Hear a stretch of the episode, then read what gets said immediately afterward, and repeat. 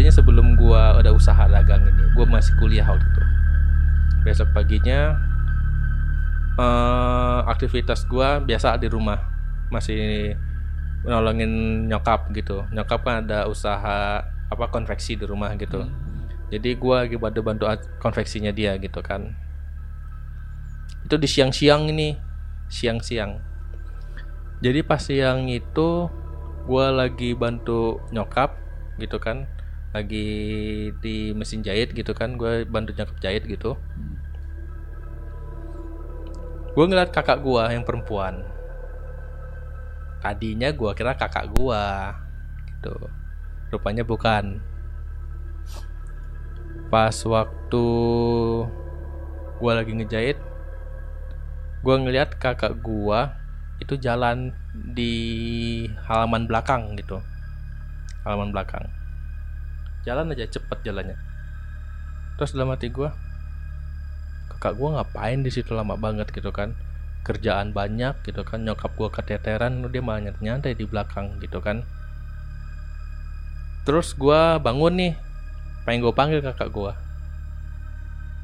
Pas gua ke belakang pas sampai pintu gua ke belakang eh kosong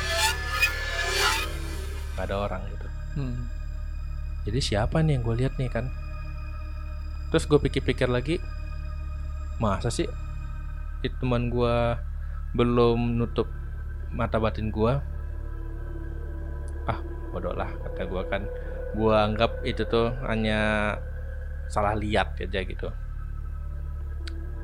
Karena rupanya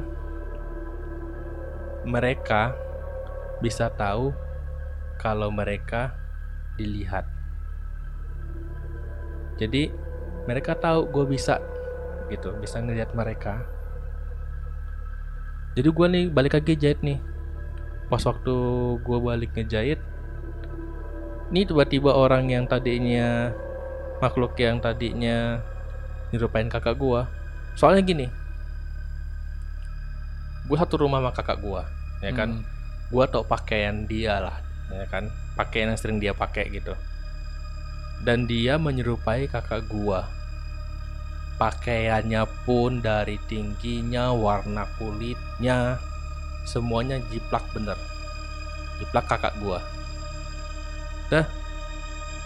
Gua lagi ngejahit tiba-tiba dia diri di pas bener di samping gua nggak nyampe satu meter paling cuma jarak 50 cm dari di samping gua seketika itu juga gua nggak bisa gerak mesin yang lagi gua pegang tiba-tiba langsung diam mati. Nggak bisa ngapa-ngapain. Untuk noleh ke kiri nggak bisa. Untuk ngomong manggil orang untuk nepok gua biar gua bisa sadar gitu aja bergerak aja nggak bisa. Nafas gua aja sesek. Itu efeknya. Karena dari badan gua nggak siap ya mental gua kurang apa bukan mental. Ji- keadaan jiwa gua lah misalkan raga gua yang kurang kurang kuat untuk menerima yang halus-halus gitu. Hmm. jadi udah dia pas diri di samping gua seketika itu gua jadi kayak nge- jadi kayak patung dada gua agak sesek susah nafas. Siang loh kejadiannya itu. Siang itu kejadiannya. Dan posisi lu- posisi lu nggak lagi tidur, enggak lagi aktivitas. Gua lagi duduk. duduk lagi jahit waktu itu jadi pas dia udah gitu tuh dia ke samping gua ya kita cuma bisa ngelihat ngelirik-ngelirik dengan mata putih kita. Hmm. bukan mata yang pupil hitamnya ya jadi kita bisa tahu kan apa yang ada di samping kita ini. Posisinya dia bukan ngelihat gua dia bener-bener pandangannya lurus banget. Tapi pas waktu dia di samping gua agak jadi berubah dia. Yang tadinya kayak kakak gua yang perempuan tiba-tiba dia berubah jadi seperti wanita yang kayak mana ya badannya basah badannya basah tapi pakaiannya tetap pakaian kakak gua Hmm. itu sekitar ada dua hampir 30 detik dia diri di samping gua. Jadi hampir selama hampir setengah menit itu gua nggak nggak bisa ngapa-ngapain di depan mesin jahitnya yang gua pakai itu kan. dan udah habis itu mundur pelan. Istilah kayak orang pakai sepatu roda ditarik. Tapi pelan banget pelan banget. Udah habis itu baru gue bisa gerak baru gue bisa noleh nafas gue jadi lancar lagi. Tapi abis dari situ lu cari sosoknya nggak ada nggak ada. Nggak berani gue Jadi abis selesai itu langsung lanjutin jahit lagi gitu. iya langsung jahit gue gimana ya mau mau gue mau ngomong sama siapa gitu kan posisinya kalau gue ngomong sama orang tua gue gue disalahin kenapa cari penyakit Iya kan? Hal-hal gitu bukan hal-hal yang harus lo kuasain.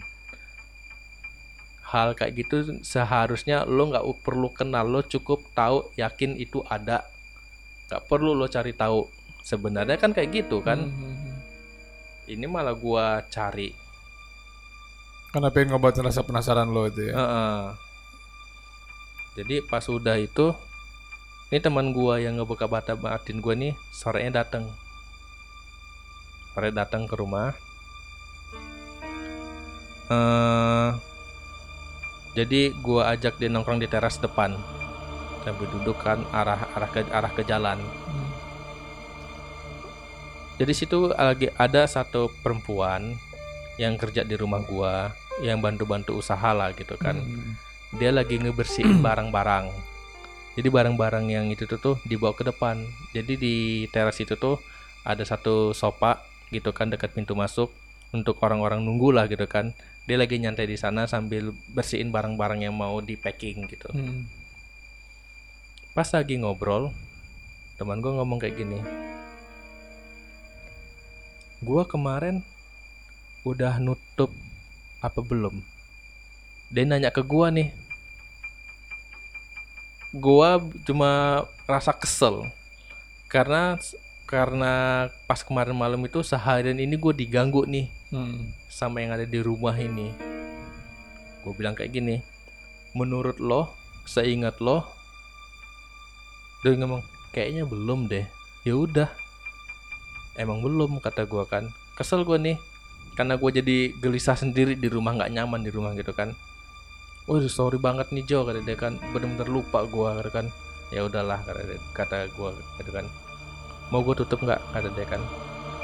Itu gue bilang eh kalau misalnya nggak lo tutup dan nggak gua dan nggak gua kentelin lagi nggak gua dalemin lagi efeknya gimana? Ya lama-lama bakal ngilang lagi. Tapi prosesnya cukup lama loh kata dia. Tuh gue bilang gini kayaknya nggak usah deh. Biar dulu deh. Biar gue bisa lebih jaga jaga sikap lagi di tempat-tempat yang seharusnya gue sopan. Hmm.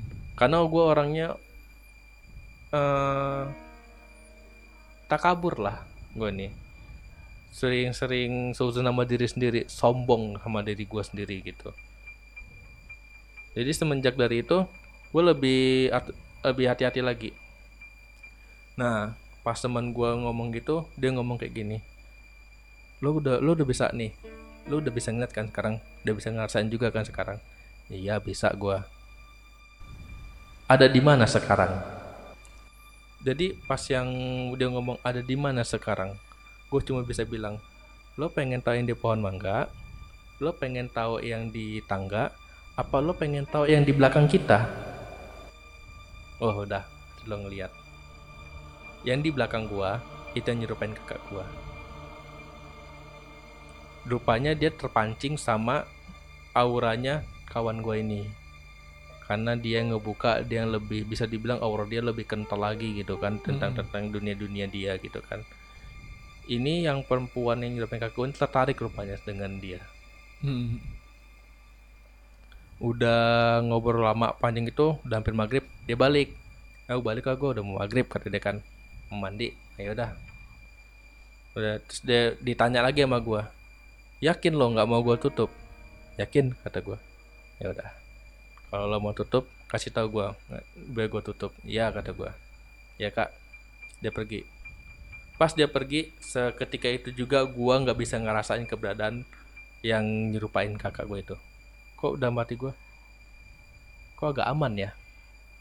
Agak ada sedikit berkurang rasa gelisah gua. Malam dia WA lo bisa ngerasain nggak yang teman gue ini yang Hmm. sore datang ini? Lo bisa ngerasain nggak apa yang kurang di rumah lo? Ada apa? Perempuan nggak ada. Nah, ikut gua dia. Katanya. Kata teman lo itu. kata teman gua. Ikut gua dia. Gua balikin ya kata dia. Wah nggak usah lah kata gua. Gua nggak gua gua gua kurang kurang suka kata gua.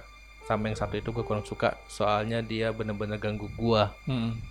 gua nggak nyaman di rumah gua sendiri jadinya. Kayak mana nih kata dia kan dia emang dia juga nggak mau lagi dibalikin. Ya udahlah gimana caranya lah kata gua. Pokoknya gua nggak mau dia balik ke rumah gua. Gua bilang kayak gitu sama teman gua. Oke kata dia. Jadi eh udah dari situ diiniin. Tah diapain sama dia tadi pindahin ke mana gitu. Teman gue juga nggak bisa ngurus.